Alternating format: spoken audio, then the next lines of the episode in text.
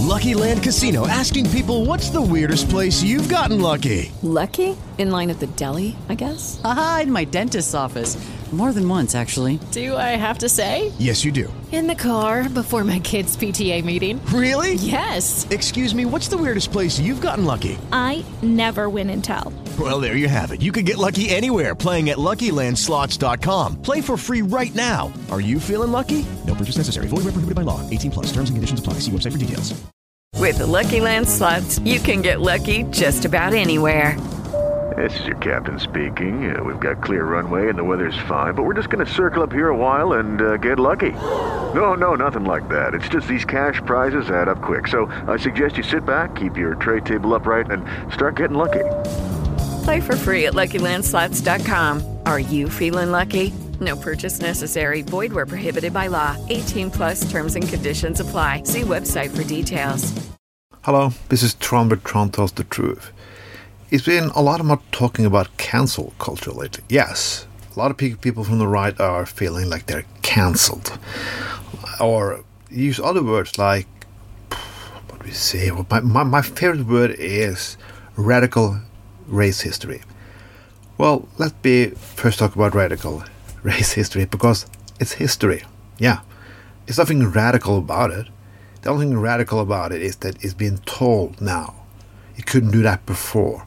But the facts are very good, and the facts are really the facts. It's not the theory, it's hi- fucking history. That's the only thing I had to say about that. So you right wingers can go fuck yourself. When it comes to cancel culture, a lot of people talking about humor is not allowed anymore, and this is not allowed anymore, and blah blah blah. Some of it I do agree about. Some people on the left are whiny. They are complaining every time, and they're just whiny. More moralistic than you fucking the right used to be. But again, what kind of cancel culture are we really talking about here? Because I do remember 9/11. Do you remember 9/11? Most of the people maybe listen to this segment didn't. But I remember a lot of journalists who spoke up against American authorities at that time. Said maybe you should not start a war in Iraq. Maybe you should not make a concentration camp at Cuba. Maybe administration in the United States didn't do the right thing. Those people were silenced. The people lost their jobs. They were harassed because they didn't stand up for the nation. So please, come talk about cancel culture. When the people in the 60s speak up against the authorities, against the Vietnam War, and blah, blah, blah, blah, they were also silenced as much as they could. They're still trying to silence those voices because they were stood up against the American authorities. That was also cancel fucking culture.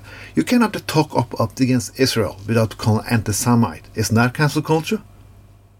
When you're talking against the war everywhere in the world, you criticize the American military complex, and you ask to sh- be sh- shut up. Isn't that cancel culture? Cancel culture for the right is only when people don't want to listen to their bullshit. When people are tired of their bullshit. A lot of people like talking about like Dave Chappelle was cancelled. The only reason I cancelled Dave Chappelle is that he's not funny anymore. It's many years since he's been funny. Don't want to listen to a person anymore because he don't deliver the goods. It's not cancel culture. Peterson, that fucking psychiatrist bull asshole, is also talking about he being cancelled. It's very funny when you can talk at any big news organization in the world, put your name on every front desk in the media, be all over Facebook and social media say you've been cancelled. People from the right, they are like small children. They think like when they got the big I fucking idea, no one shall criticize them. No one should talk against them. Nobody. Because if they do, rather than uh, or they use two things: the media are left winged, or they are cancelled. We had the same in Norway too.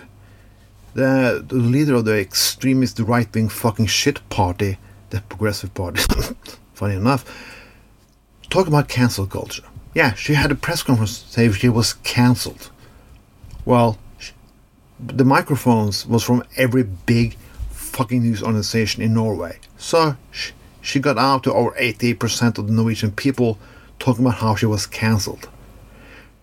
Well, many, not many, few weeks ago, she also said she was cancelled again because she didn't want, was not invited to debate in national TV because the national TV didn't want was against her party and they were too left winged. Yeah. Last year they had 26 big debates on that channel and she was invited to half of them. But because she doesn't invite to every one of them and people criticizing the party and asking them difficult questions, it's cancel culture. Th- This whining about cancel culture, I begin to fucking annoy me. If you have something to say, you have the right to say it, but you can also be criticized for it. And there are possibility that people don't like your opinions. Getting the criticism is not being cancelled. It's fucking called a debate, motherfucker. This was Tron with Tron Tells the Truth. Have a fucking nice day. And to all you right wingers and moralistic bullshitter on the left, go fuck yourself. This was Tron.